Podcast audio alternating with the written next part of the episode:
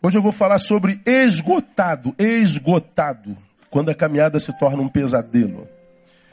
Então eu diria, irmãos, que a palavra de hoje não vai ser para todo mundo, não. Se você não está esgotado, cansado, é, como alguns, talvez essa palavra não, não te diga respeito. Mas se você de repente está aqui esgotado, cara, você está cansado, você está por aqui na vida, é possível que essa palavra te diga alguma coisa. Então eu diria que essa palavra hoje é para um ou outro. Aliás, eu diria mais para o outro, porque esse um sou eu. Hoje eu falei para André, estou pregando para mim, não é? E eu queria compartilhar essa, essa palavra com vocês que numa outra perspectiva, já, já ministrei aqui, não nessa vertente, mesmo texto, mas numa outra perspectiva. Mas hoje eu queria falar sobre esgotado, quando a caminhada se torna um pesadelo. E eu vou basear em 1 Reis capítulo 19, versículo 4. Depois a gente chega lá, vou situar você. De Elias, o profeta maior, na verdade, o maior dos profetas maiores. Na Bíblia tem os profetas maiores e os profetas menores. Elias, para mim, é o maior dos maiores. E Elias chegou a um tempo de esgotamento tão grande que ele pede para si a morte. E ele diz assim nesse versículo: Ele, porém, entrou pelo deserto caminho de um dia e foi sentar-se debaixo de um zimbro e pediu para si a morte, dizendo: Já basta, ó Senhor, toma agora a minha vida, pois não sou melhor do que meus pais. Esse texto revela um tempo de esgotamento na vida do profeta. É, o maior dos profetas é, é um homem que Deus usou como poucos na história da Bíblia Sagrada, é. Mas mesmo sendo quem foi e sendo usado por Deus como foi usado, ouvindo Deus audivelmente, face a face, ele ainda chegou num tempo de esgotamento, onde ele pede para si a morte, ou seja, a sua caminhada se tornou um pesadelo. Ele queria se livrar do pesadelo no qual se tornou a sua caminhada. Ele fala do seu esgotamento. Deixa eu situar você no contexto. Elias, nesse texto, ele foi levantado por Deus para confrontar Acabe e Jezabel, reis de Israel, e que reinaram sobre Israel por 22 anos. Acabe e Jezabel. Eles se desviaram do Senhor e construíram altares para Baal e Azera. A Baal, por causa de Jezabel, com quem Acabe casou, ela já era iníqua aos olhos de Deus antes do, do casamento. E de Azera, porque Deus reprovou esse casamento, eles construíram um altar para Azera só para confrontar Deus. Foi um altar construído por pirraça. Eu vou desafiar Deus, eu vou confrontar Deus. Você vê isso em 16, 31 e 33 desse mesmo livro. Elias é chamado para confrontar Acabe e o faz, confronta Acabe e diz em nome de Deus que a terra passaria por uma seca sem precedentes e que a seca mataria tudo que é ser vivo no reinado de Acabe e de Jezabel. E essa seca durou por três anos, mortandade por todos os lados desespero, caristia, economia falida. Foi um dos piores períodos da história de Israel, porque a palavra de Elias disse: só haverá chuva sobre Israel, sobre a minha palavra, porque agora eu estou cerrando o céu sobre vocês por ordem de Deus, e o céu cerrou mesmo, parou de chover. Elias, ele foge, porque Acabe e Jezabel queriam matá-lo de qualquer jeito.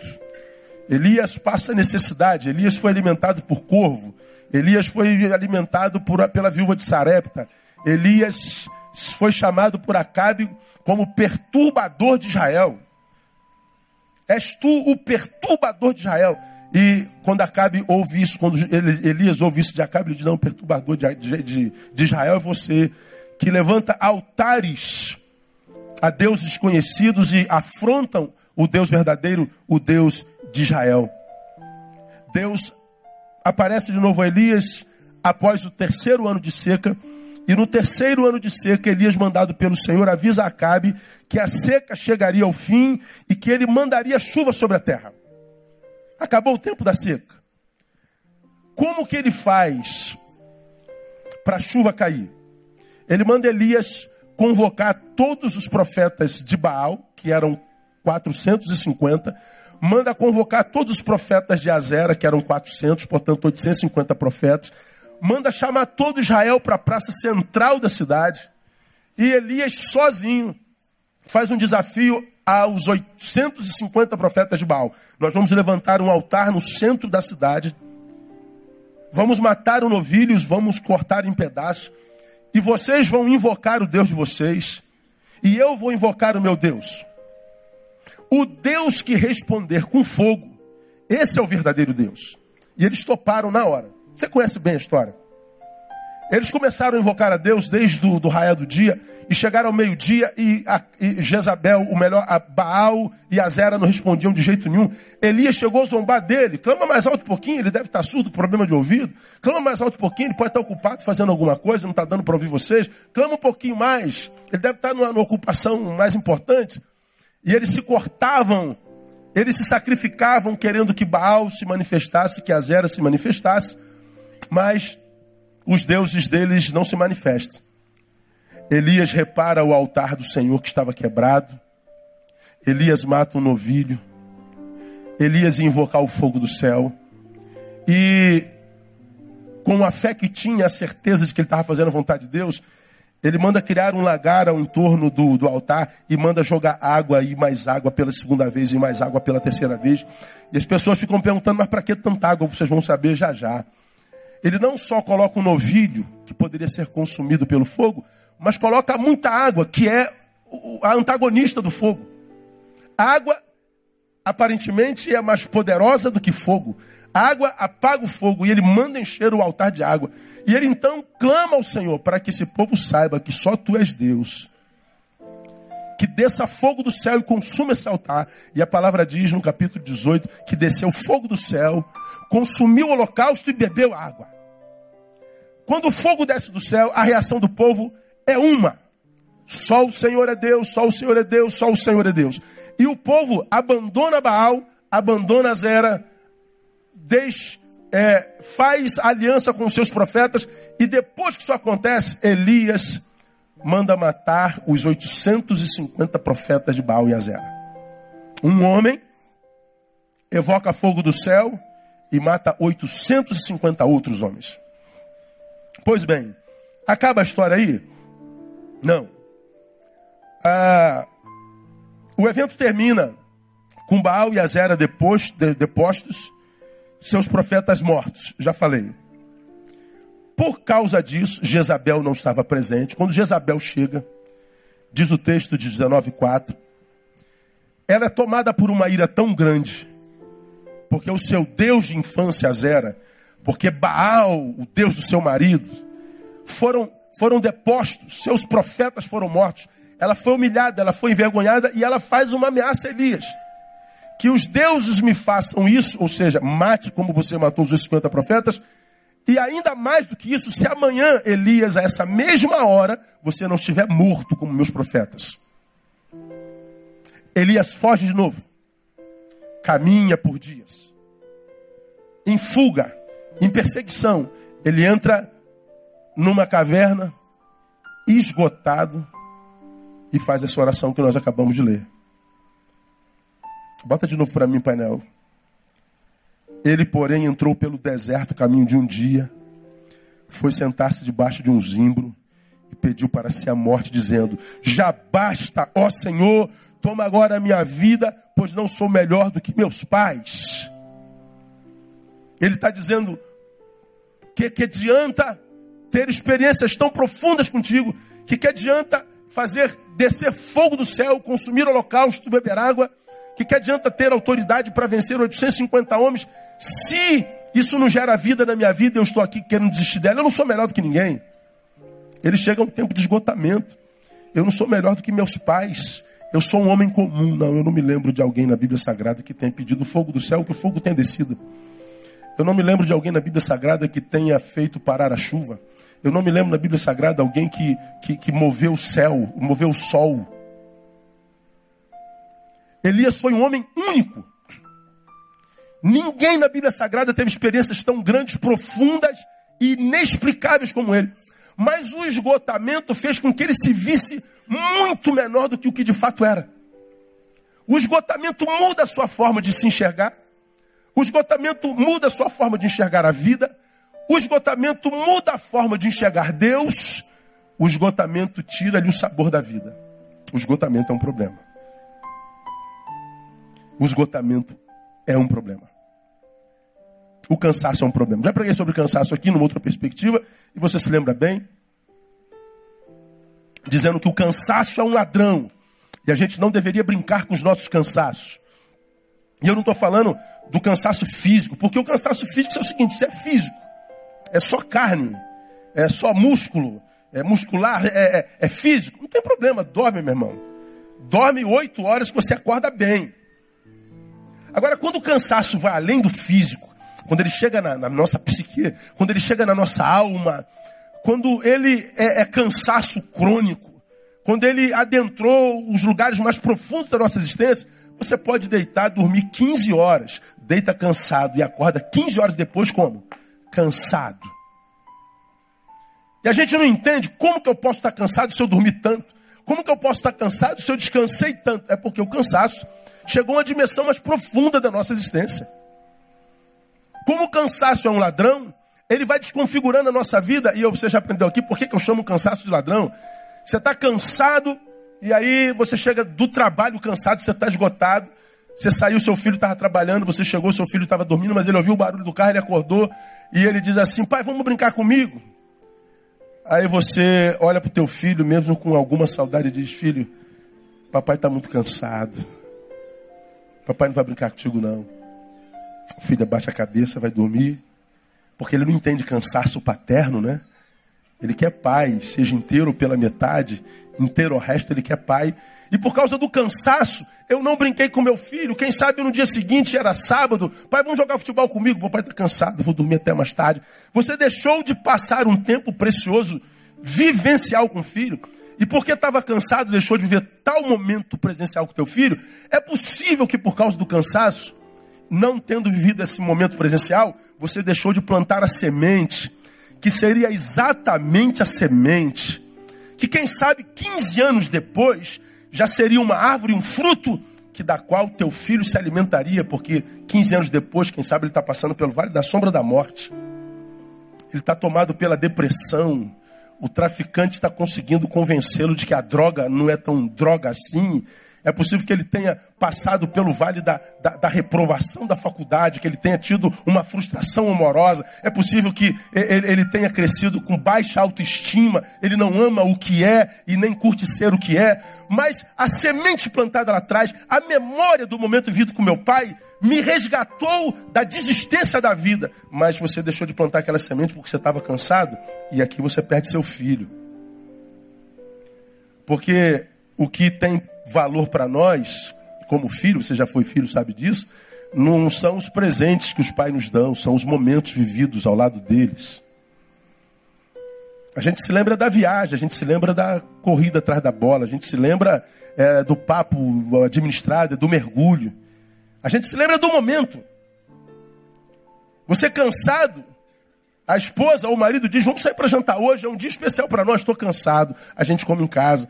Você talvez deixou de plantar a semente no teu cônjuge, na tua esposa, que, que, que seria árvore e, e, produziria um fruto que você se alimentaria no momento em que seu casamento passaria pela pior adversidade da história de vocês.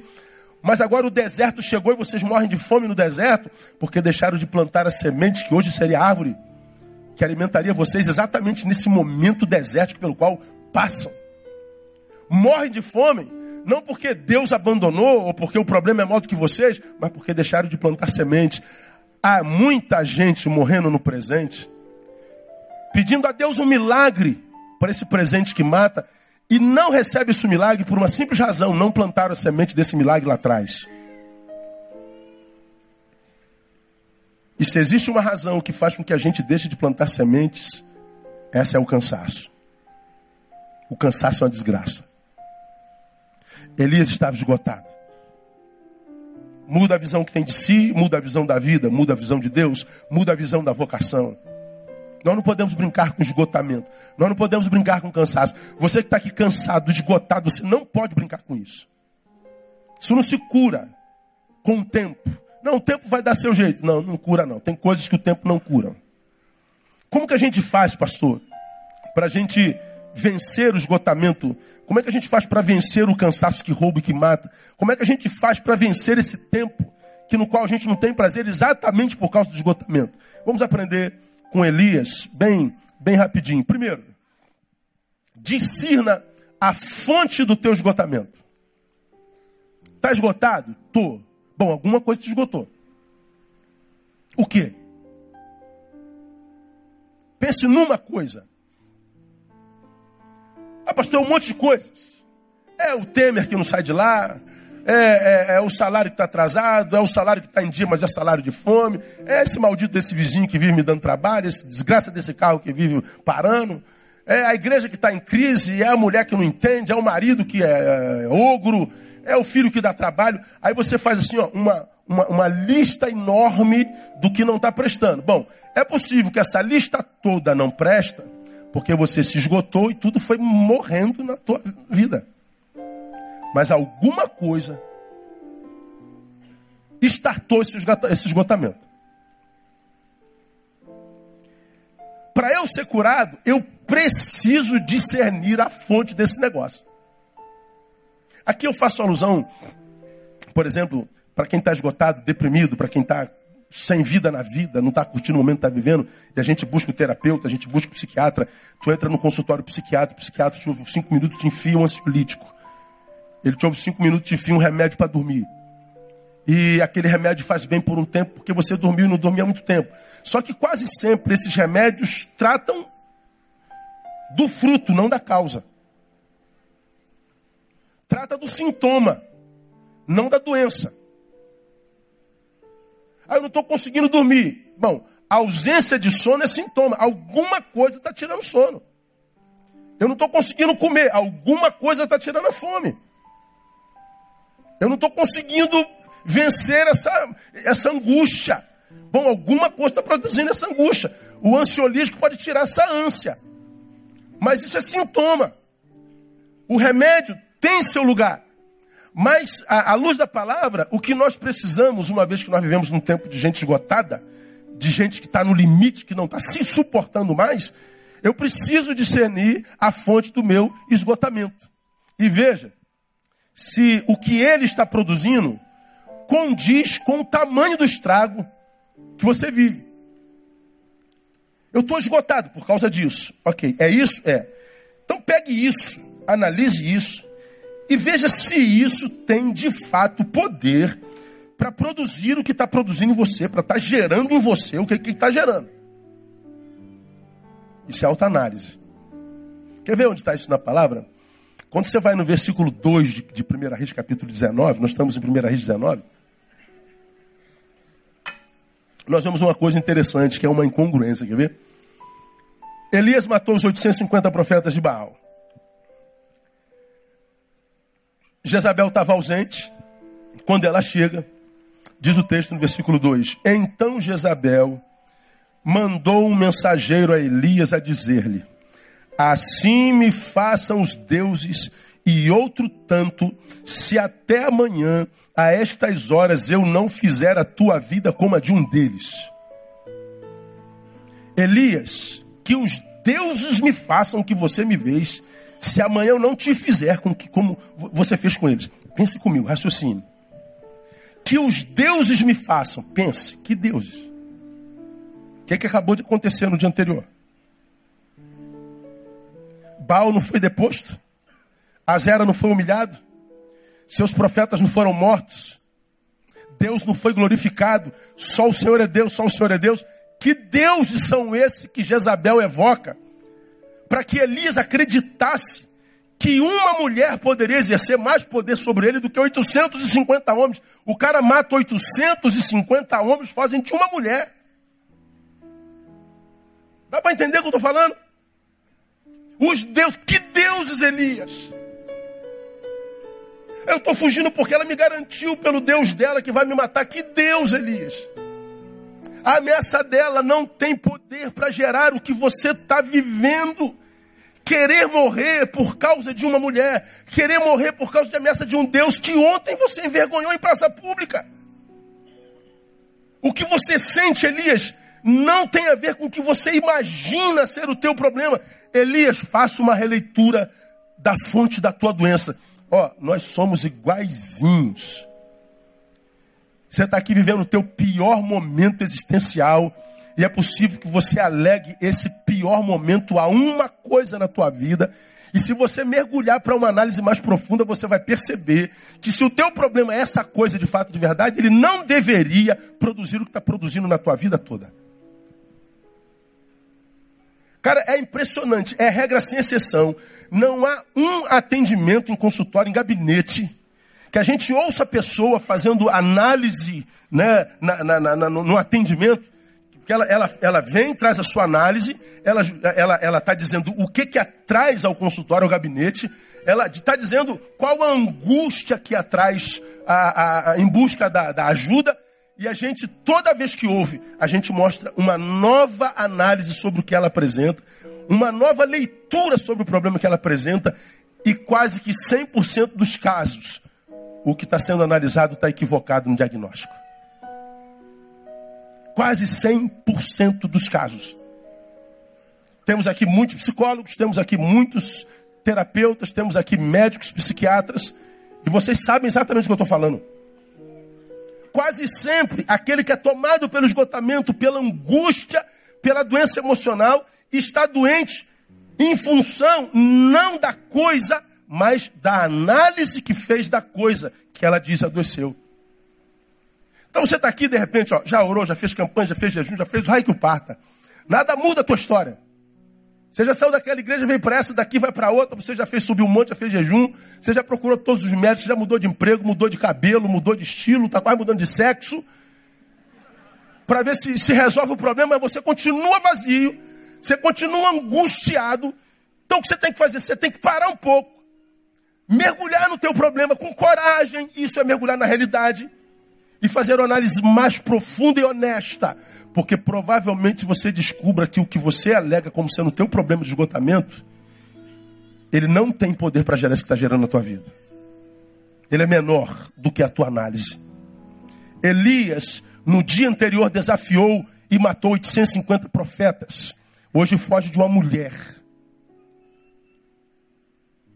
Ele diz: Eu não sou melhor do que ninguém. E de uma mulher que o ameaça com um Deus que ele havia acabado de desmascarar. Não tem sentido isso. Será, meu irmão, que a fonte de angústia de Elias era mesmo Jezabel? Você acha mesmo que o que gerou esgotamento em Elias, desejo de morte, foi ameaça? Não, não foi ameaça. Sua angústia era produto de um superdimensionamento do problema que ele tinha.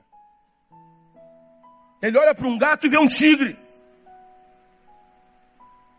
Se é um gato, eu chuto. Se é um tigre, eu corro.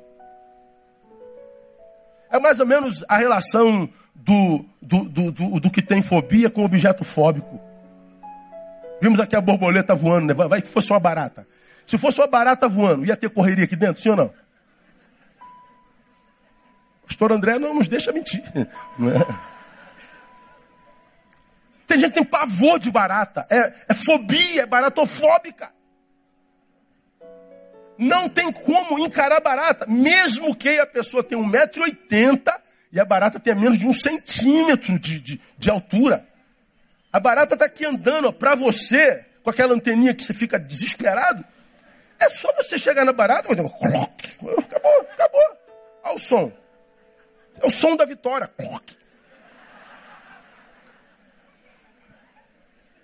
Vai lá, mulher, pisa nessa barata. Mas a que tem fobia consegue pisar na barata? Não, porque ela vê a barata muito maior do que o que ela é.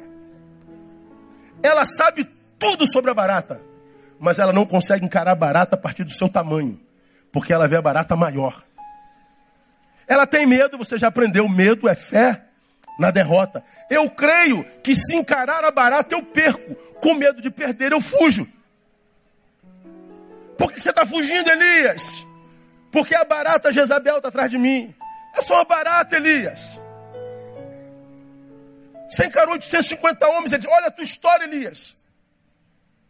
Olha o que, que Deus já fez através de você.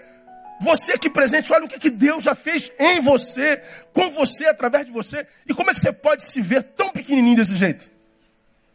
Como que você pode se enxergar como uma barata agora? É o meu problema? Não, é a forma como você vê seu problema.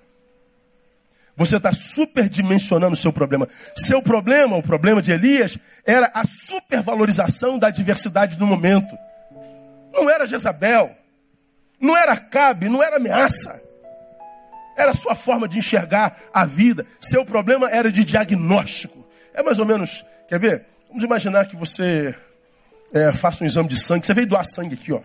Como aconteceu, batemos o recorde, nosso recorde do, do hemorria. Aí você doou sangue. Aí, de repente, ligam para tua casa. Alô? Dona Reverbéria da Cunha? É. Dona Reverbéria, é, aqui é do Hemorrio. Nós queríamos que a senhora viesse aqui, a gente tem, tem uma coisa para comunicar a senhora. Não, pode falar pelo telefone, não. Eu quero que a senhora veja pessoalmente. Ela vai lá, te dá teu exame de sangue e está escrito lá sobre a AIDS, reagente. O mundo desaba na hora. Como que eu posso estar com AIDS? Aqui, nesse culto, que eu saiba e enxergue daqui, tem seis pessoas soro positivo, fora que eu não sei. E você sabe do que, que eu estou falando. Você sabe o que é pegar esse diagnóstico, provavelmente. É o diagnóstico, você está com câncer. Fez a biópsia, daqui é câncer. O mundo desaba. O mundo é desconfigurado na hora. Ele perde todo sentido no exato momento. O medo nos sequestra. O pavor. O mundo, o chão sai do, do nosso, dos nossos pés e a gente fica desnorteado. Aí você pega o resultado do exame, tá lá, reagente. Você volta para casa como quem já está com uma sentença. Dá dois dias, ligam para você de novo, dona Revertéria. Ó, nós erramos no diagnóstico. O que, que acontece com a gente? O mundo é reconstruído na mesma hora. Ai, meu Deus. Graças a Deus, com vontade de matar vocês do, do laboratório. Mas graças a Deus, é mentira, é não reagente. Veja, o mundo desaba e é reconstruído por causa de um diagnóstico. Fizemos nada, não produzimos nada, não fomos a lugar nenhum um diagnóstico. Acontece conosco também quando nós fazemos um diagnóstico equivocado da vida, quando nós fazemos um diagnóstico equivocado de nós mesmos, quando nós fazemos um diagnóstico equivocado da situação. As pessoas com as quais eu tenho me encontrado derrotadas da vida, pelo esgotamento, pelo cansaço, por qualquer tipo de doença psicossomática, são as, aquelas que, tomadas pela enfermidade, se permitiram diagnosticar equivocadamente o problema e por causa do diagnóstico do problema adoecem e sucumbem. Não adoecem e sucumbem por causa do problema, mas por causa do diagnóstico equivocado. Nosso problema é de diagnóstico. Estou convencido que nosso problema é como nós enxergamos a vida. Deixa eu mostrar um videozinho para vocês que fala sobre como nós enxergamos a vida. Vê se está pronto aí, painel por gentileza. Veja esse vídeo, veja como.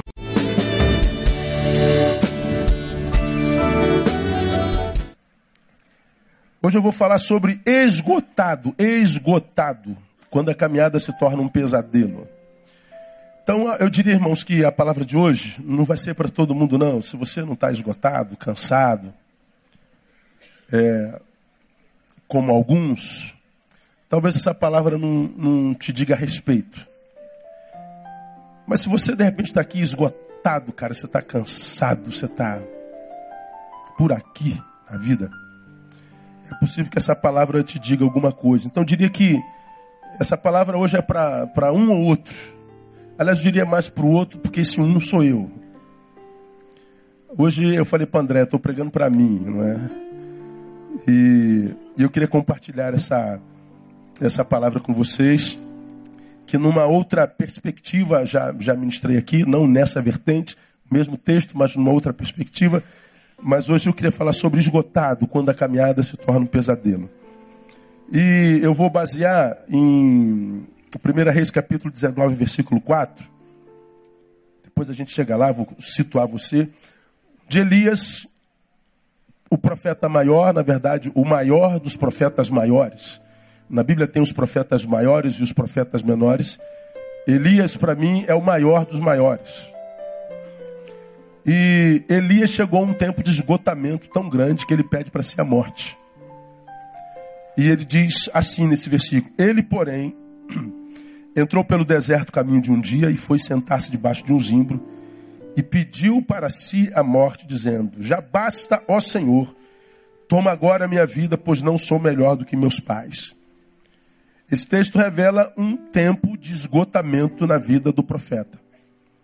É, o maior dos profetas é, é um homem que Deus usou como poucos na história da Bíblia Sagrada, é mas mesmo sendo quem foi e sendo usado por Deus como foi usado, ouvindo Deus audivelmente, face a face, ele ainda chegou num tempo de esgotamento, onde ele pede para si a morte, ou seja, a sua caminhada se tornou um pesadelo. Ele queria se livrar do pesadelo no qual se tornou a sua caminhada. Ele fala do seu esgotamento.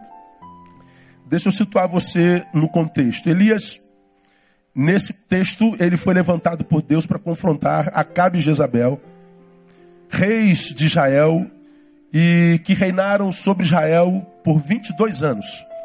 Acabe e Jezabel. Eles se desviaram do Senhor e construíram altares para Baal e Azera. A Baal, por causa de Jezabel, com quem Acabe casou, ela já era iníqua aos olhos de Deus antes do, do casamento, e de Azera, porque Deus reprovou esse casamento, eles construíram um altar para Azera só para confrontar Deus. Foi um altar construído por pirraça. Eu vou desafiar Deus, eu vou confrontar Deus. Você vê isso em 16, 31 e 33 desse mesmo livro. Elias é chamado para confrontar Acabe e o faz, confronta Acabe e diz em nome de Deus que a terra passaria por uma seca sem precedentes e que a seca mataria tudo que é ser vivo no reinado de Acabe e de Jezabel. E essa seca durou por três anos. Mortandade por todos os lados. Desespero. Caristia. Economia falida. E descobre que aquele menino não podia andar. E que a felicidade para aquele menino era estar no lugar daquele que não tinha tênis. O nosso problema é de diagnóstico. Nosso problema é como a gente enxerga a vida. Nosso problema não é o problema, é a análise que a gente faz dele. Eu estou plenamente convencido que o nosso problema é como nós enxergamos a vida. Portanto, se como muitos você se sente esgotado, por primeiro faça uma análise honesta da fonte da sua angústia. Veja se seu problema é grande o suficiente para produzir tudo isso. Ouça quem está do seu lado. Ouça teu pai tua mãe que está dizendo, meu filho, não é isso tudo, reaja.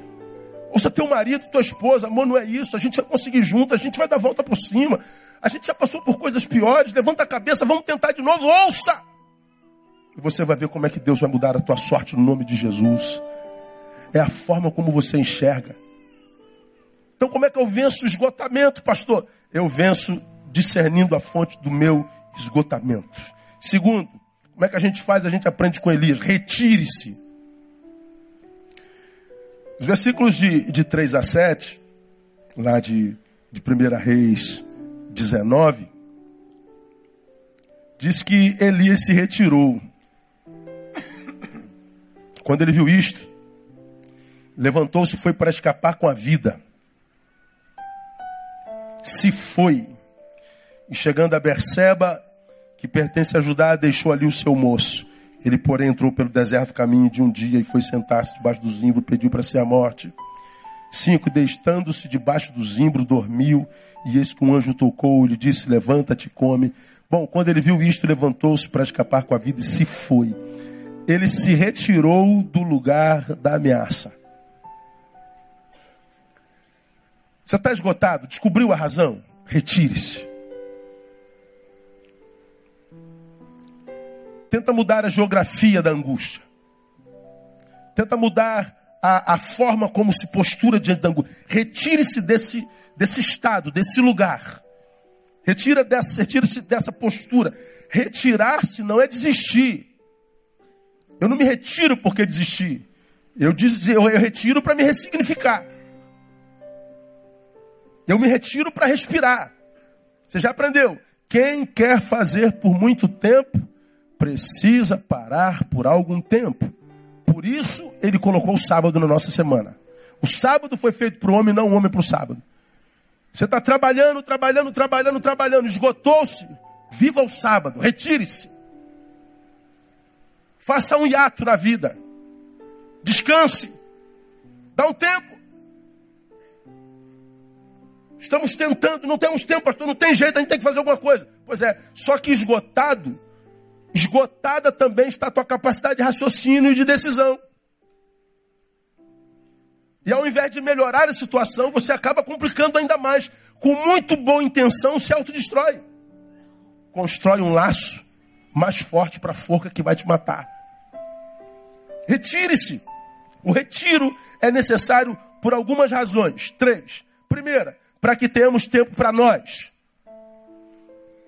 Deixe-se em paz um tempo. Gaste um pouco mais de tempo consigo. O problema é que a gente não faz isso, a gente não tem mais tempo para meditação, a gente não tem mais tempo para reflexão. E não só não temos tempo para meditação, reflexão, contemplação, como também a gente não tem estima suficiente para ficar sós. Estamos tão mal, tão doentes, que a nossa presença se torna a mais indesejável de todas elas.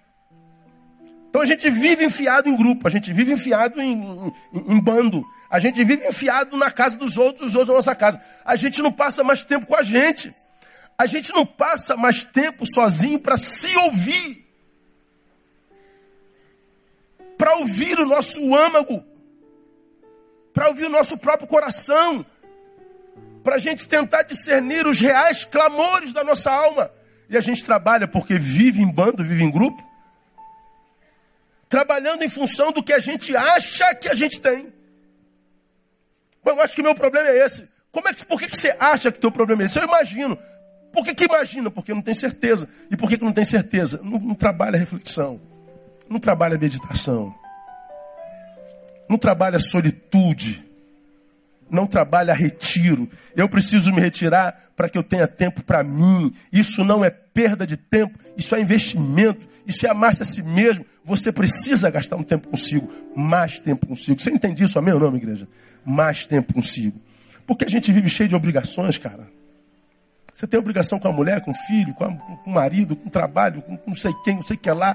Todos amados nossos, amamos todo mundo. Mas essa hiper-obrigação muitas vezes nos rouba de nós. Gente não tem tempo para gente. Eu sou casado há 29 anos com a mesma mulher. Nós vivemos um casamento bacana. Mas quando ela fala assim, amor, eu preciso dar uma volta. E ela pega a amiga dela e vai passar o final de semana lá, não sei aonde. É mesmo? Vazou. Amor, eu preciso dar uma respirada. Aí tu fala assim, mas de mim também? Às vezes, principalmente. Só que ela não fala, eu nem pergunto, né? Aí você falou, mas como que você quer, quer respirar de mim? Você não me ama? Amo. Mas amores cansam. Estou precisando passar um tempo sozinho. Pensa que a senhora que faz? Eu pego minha moto, amor, vou dar uma rodada segunda-feira. Vai aonde? Não sei. Eu vou pegar a estrada. Onde eu parar, eu digo onde eu vou dormir. Que é isso, pastor? Não fala essa besteira no púlpito, não, que a minha mulher vai querer sair, acaba meu casamento. Pois é, eu estou falando de mim. Digo eu, não Senhor, não é? Então, a gente respira. Ama de paixão? Amo. É amado de paixão? É. Ama teus filhos? Ama. Viu os bebezinhos que foram apresentados aqui? O sonho do casal é um amor da vida, mas amor da vida cansa. Tira nossas horas de sono. E porque tira nossas horas de sono, tira nossa capacidade de reflexão, de diagnóstico e, portanto, de tomada de decisão. E nós vamos somatizando cansaços nós vamos somatizando angústias, nós vamos somatizando excessos. Chega uma hora que você está empanturrado, você não está suportando mais. Daqui a pouco, aquele a quem você mais ama é quem você está mais maltratando. Ou não é assim que acontece? Quem sofre é quem está perto, é quem está junto, é quem dorme com a gente. Então, o retiro é importante, talvez não nessa perspectiva, mas é importante que você ache um tempo para si. Aquele dia, em vez de ficar no, no bando do, do futebol, fica sozinho. Em vez de futebol, fica sozinho, vai dar uma caminhada só na praia. Sobe uma serra, vai dar uma respirada, respirar um ar, um ar puro. Vai ter contato com a natureza. É, é bonito, né? Eu não guardo mato porque tem contato com a natureza. Por que, que a gente guarda a natureza? Por que, que a gente gosta do verde? Gosta de ouvir o cantar dos pássaros? Por que, que a gente gosta do som da cachoeira, da água caindo? Por que, que a gente gosta? Todo mundo gosta disso. Porque quando eu vou ter contato com a natureza, eu vou ter contato comigo mesmo. Nós fomos criados no jardim. Nós somos, por natureza, seres rurais. A nossa essência é o mato. Quando eu volto para o mato, eu estou voltando para a minha origem. É por isso que a gente se sente em casa lá. As paredes, os prédios, os tijolos foram inventados depois. Quando eu vou ter contato com a natureza, eu não vou para uma coisa estranha à minha natureza. Eu vou fazer contato com a coisa da qual faço parte. Aquele pássaro, aquela grama, aquela árvore e eu somos um conjunto. Obras das mesmas mãos. Preciso me retirar. Respirar novos ares. Porque enquanto fica nessa geografia de esgotamento, vai morrendo. Chega uma hora que o esgotamento é tão crônico que não tem mais cura adoece, como diz o Eclesiastes, sem possibilidade de cura. Por que, que é necessário muitas vezes me retirar? Para que eu tenhamos tempo para nós. Segundo, para que tenhamos tempo para Deus, que é a fonte da vida. E se há uma coisa que afasta a gente de Deus, é a religião. Ó, pasme. É tanto trabalho na igreja, meu irmão. É, é, é, é, é missões, é ação social, é reunião de liderança, é curso disso, é curso daquilo, é, faz aquilo, e faz não sei o que lá, e faz não sei o que. Aí tu vem para a igreja, é trabalho para caramba, que faz bem, a gente nasceu para. Quando a gente se encontra com Cristo, a gente não se encontra com a fonte de realização de desejos. Quando a gente se encontra com Cristo, a gente se encontra com a missão. A gente acha o nosso lugar no mundo. Ele não veio nos fazer felizes, ele veio nos fazer úteis, porque não há felicidade na vida inútil. Importante, mas muitas vezes estamos tão envolvidos com a obra de Deus que não temos tempo para o Deus da obra. Estamos tão ocupados com Ele que nós não temos tempo para ouvi-lo, para saber Sua vontade, para que Ele se revele a nós e diga: não, Neil, está tudo errado. E o que é que é mestre em atrapalhar a nossa comunhão com Deus? A própria religião. A gente tem que se retirar para que a gente tenha tempo para Deus, para a gente ouvir o Espírito Santo, para que a gente tenha contato com a Sua palavra. Senão, é desconstruído Daqui a pouco virou aí mais um no meio de 7 bilhões de seres humanos que tem que viver de imagem, viver de Facebook, viver de cara de mal, viver de marrento, viver de mentira. A gente se afasta para que nós tenhamos tempo para Deus, a gente se afasta para que tenhamos tempo para os nossos amados. Porque é, nosso dia tem 24 horas, né? O meu tem 24, acho que o teu também tem, amém ou não? tu faz uma análise das 24 horas, já falei sobre isso aqui. Pega lá de meia-noite a, sei lá, de 10 ou 11 até as 6 da manhã, as primeiras 8 horas do dia, quando ainda está noite, geralmente nós estamos fazendo o quê? Dormindo, não é verdade? Acordamos às 6, vamos para o trabalho. Ficamos de 8 até às 17 no trabalho, não é isso? Em, em tese. Então, Oito dormindo, oito no trabalho. Quantas horas foram? Dezesseis. Sobram quantas horas? Oito. Dessas oito, quem trabalha de ônibus no centro da cidade, gasta quantas horas indo e quantas horas voltando?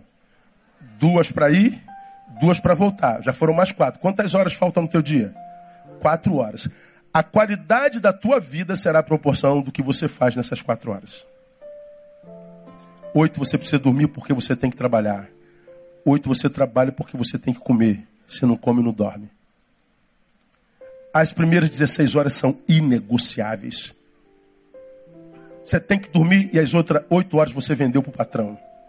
Você tem oito, das oito, você passa quatro na condução. Sobra quatro horas. O que você fizer nessas quatro horas determina a qualidade de vida que você tem. E se você não separa dessas quatro horas para viver tempo de qualidade com seus amados, você perde os amores da sua vida. E quando você perde os amores da sua vida, ainda que você ganhe todas as coisas da vida, essas coisas não trarão plenitude a você. Você vai sentir saudade do tempo que você não tinha nada, mas tinha os teus amados. E vai adiar o tempo no qual você tem tudo, mas não é amado por ninguém. Só que a gente só sabe disso quando perde todo mundo. Quando a mulher foi embora, quando o marido foi embora, quando os filhos se perderam. Aí a gente que vai valorizar isso. A gente só valoriza quando perde. Nós estamos vendo que os nossos amados estão escapulindo da nossa mão, estamos perdendo o controle. Meu filho está se perdendo, meu casamento está acabando, meu amor está indo embora. E a gente não para. Perde tudo, se, se rebela de Deus que é o culpado. Não, não é Deus, não. Sou eu, é você. Eu preciso parar para ter tempo, meus amados. E o pior, quando eu não faço isso, eu estou debaixo de um peso espiritual grave. Você já me viu falar sobre isso aqui? Mas se alguém não cuida dos seus, principalmente dos da sua família, nega a fé e é pior do que o incrédulo. 1 Timóteo capítulo 5, versículo 8. Como é que eu venço esgotamento, pastor? é, me retirando. Vamos por três, caminhando para o final.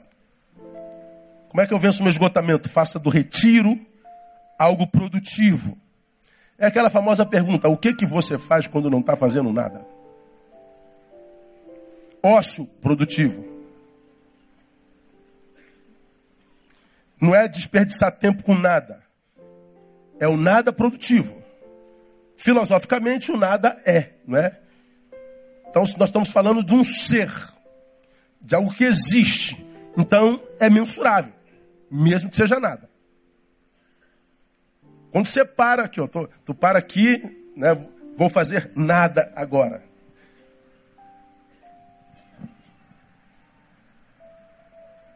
Estou fazendo nada, correto? Mas eu estou fazendo alguma coisa, não estou? O que, que eu estou fazendo agora, por exemplo? Estou sentado. Estou pensando. Estou olhando para alguns cabelos e tecendo alguns diagnósticos. Estou olhando para alguns narizes e rindo dentro. É um ócio produtivo. Eu posso estar parado produzindo. Posso estar parado refletindo não é parar para fugir do lugar do esgotamento, para se ressignificar.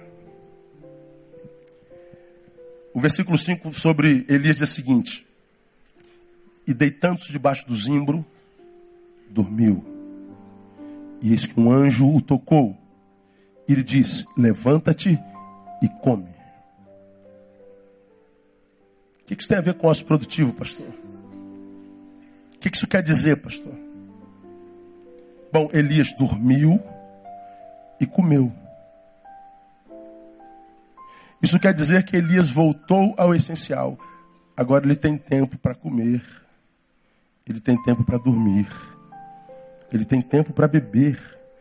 Comida, bebida, dormida é o essencial da vida. Você trabalha para quê? Não é para comer? Come para quê? Não é para trabalhar? Quem trabalha alimentado, dorme. Por que, que dorme para trabalhar no dia seguinte? O resto é cresce. Não, mas a vida não é só isso, pastor, é a nossa. Como é que eu vou viver sem cinema, sem teatro? Como é que eu vou viver sem shows? Como é que eu vou viver sem o carro? E tem um monte de gente que vive e nem sabe o que é carro. Nunca entrou no cinema. Nunca sentou numa mesa de restaurante. E não sente falta nenhuma. Uma vez nós fomos um grupo de moto lá em Pouso Alegre. Tem muito tempo isso. Aí uma estrada fechou, nós ficamos parados numa barreira. Tínhamos, eh, sei lá, umas seis motos.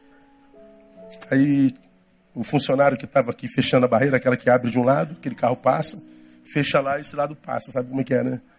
Aí cara viu aquelas motos tudo grande, ele parado, ele foi lá para trás, olhou Rio de Janeiro. Ih, vocês são do Rio de Janeiro? Falei, graças a Deus somos. Cidade maravilhosa, o lugar mais lindo do universo. Falei, não sei como é que vocês conseguem viver naquele lugar. Ué, por quê?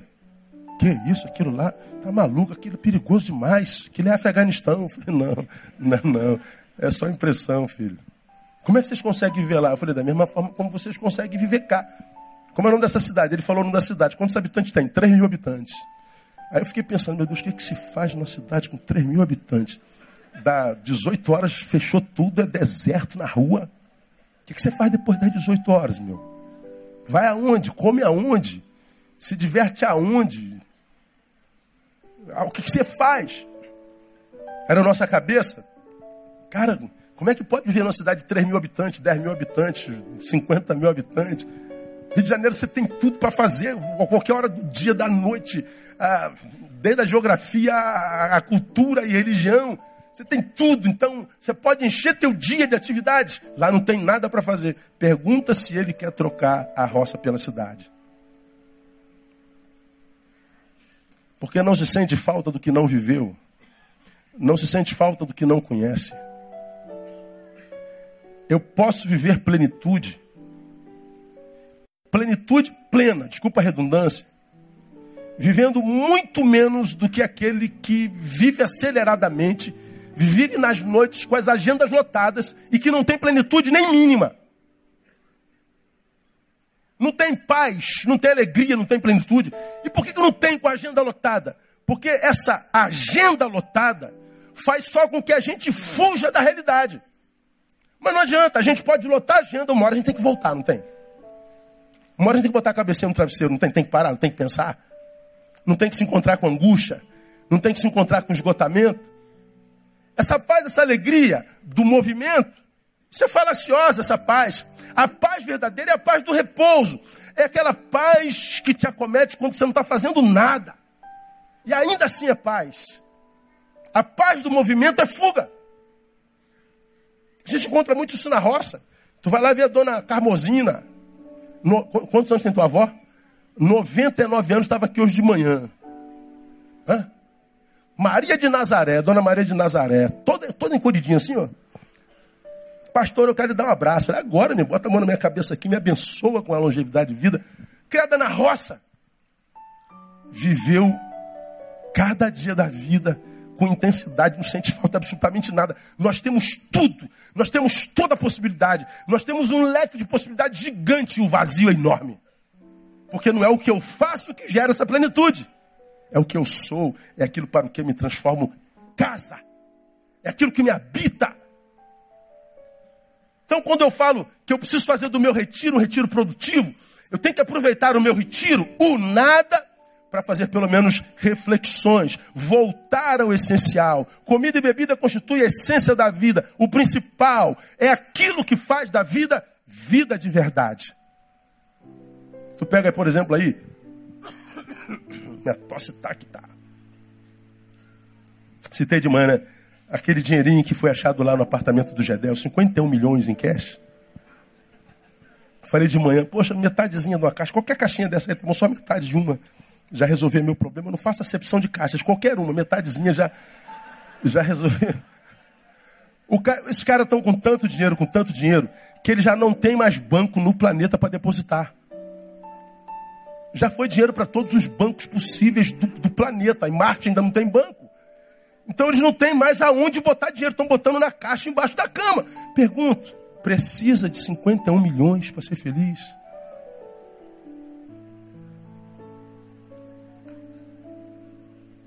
Não precisa. A gente precisa de muito pouco para ser feliz. Quando eu falo para você se retirar e fazer do seu retiro um ócio produtivo, pensa, meu irmão, minha irmã, no que de fato faz a vida feliz. Volta à essência volta ao início de tudo. Eu me lembro aqui mais uma vez da música Epitáfio. Eu gosto dessa música demais, do Titãs. E a gente conhece bem essa música, né?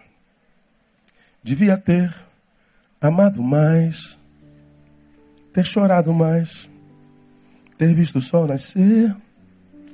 Devia ter arriscado mais, até errado mais, ter feito o que eu queria fazer.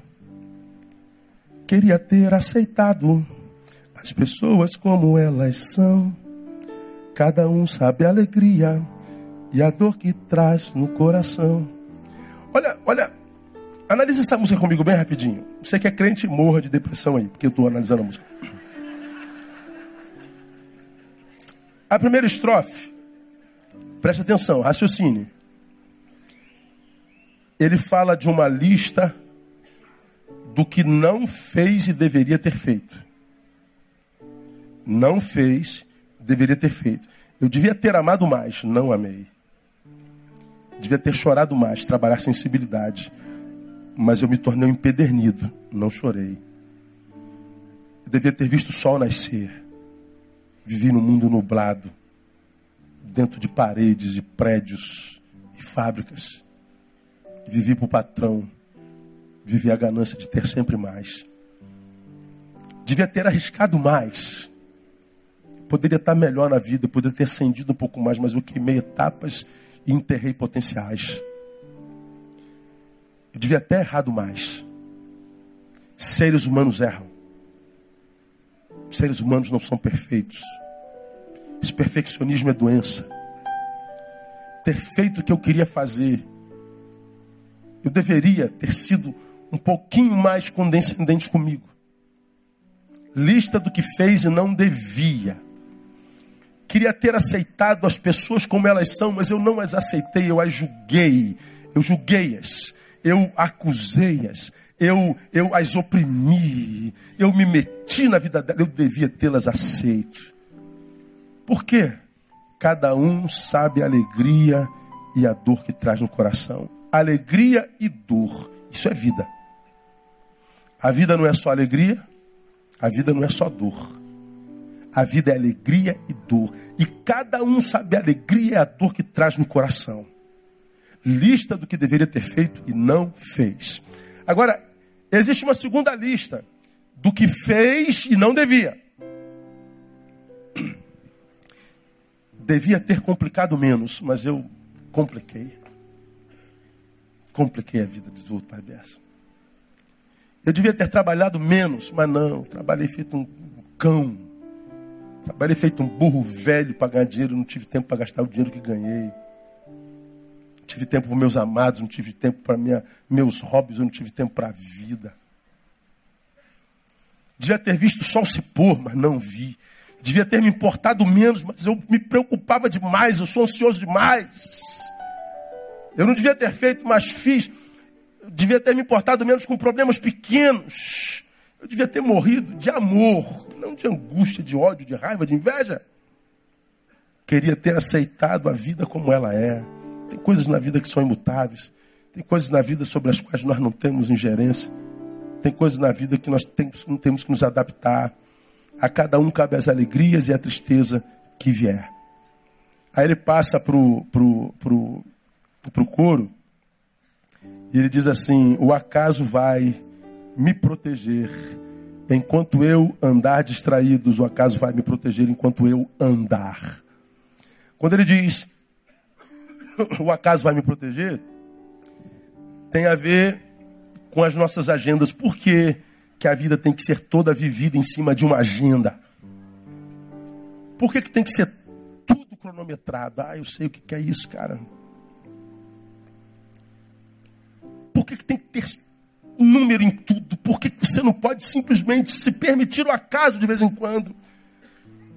Largar essa agenda um pouco dizer assim: o acaso vai me proteger enquanto eu andar. Como quem se permite um encontro casual, agenda casual.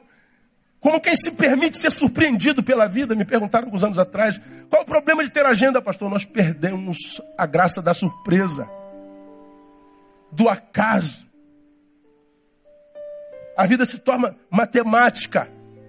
A vida se torna é, é, uma vida hiperplanejada e a gente perde o planejamento dela, a gente se desespera. Aí está aí o um mundo de suicidas, de gente frustrada na vida, de gente infeliz, porque não sabe lidar com o esgotamento e nem sabe por que, que ele chegou. É, é, quando eu olho para essa música, eu devia ter amado mais.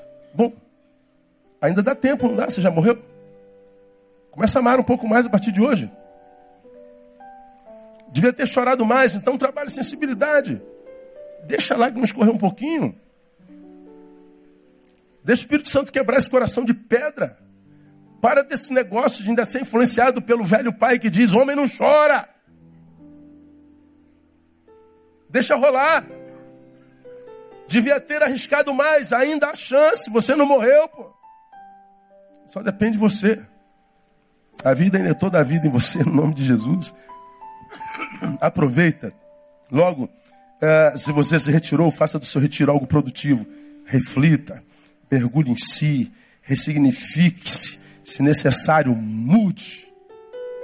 Você vai ver que a vida volta a sorrir para você que está esgotado aqui nessa noite, me ouvindo pelas mídias desse nosso país afora. Vamos terminar. Por último, o que, que eu faço quando estou esgotado, pastor? Além de, de, de, de, de é, discernir a fonte do meu esgotamento, além de retirar-me, além de fazer do meu retiro algo produtivo, o que, que eu preciso fazer, pastor? Volte. Retirou-se? Volte. Haja o que houver, volte. Por que, que eu falo que tem que voltar? Porque tem muita gente que viveu em prisão a vida inteira. Quando conhece um pouquinho de liberdade, não quer voltar para a prisão. Só que a prisão só foi prisão por causa da tua gestão. Você gestou a tua vida errado. Você adoeceu sua família, por isso ela parece uma prisão. Por isso teu cônjuge parece um, um, um carrasco. Era prisão porque você era como você era. Então, não voltar não significa viver liberdade, pelo contrário, pode se traduzir na tua pior cadeia, ou seja, na tua impossibilidade de voltar a amar os seus amados. Então retire, reflita, ressignifique-se, mude, mas volte. Nem que seja para se despedir. Se for sair, saia bem. Não cospe no prato que, que, que comeu. Mas você vai ver que se você voltar mudado, tudo ao teu redor muda também. Isso é maravilhoso na vida e eu louvo a Deus por isso. Não existe futuro para quem desconsidera passado. A vida de Elias, depois dessa postura dele, mudou radicalmente e, ó, para pior, hein? Você vai nos versículos 14 a 16. Elias entra naquela caverna, pede para ser a morte. Deus pergunta: O que você está fazendo aqui, cara? De onde você tirou esse esgotamento aí, cara?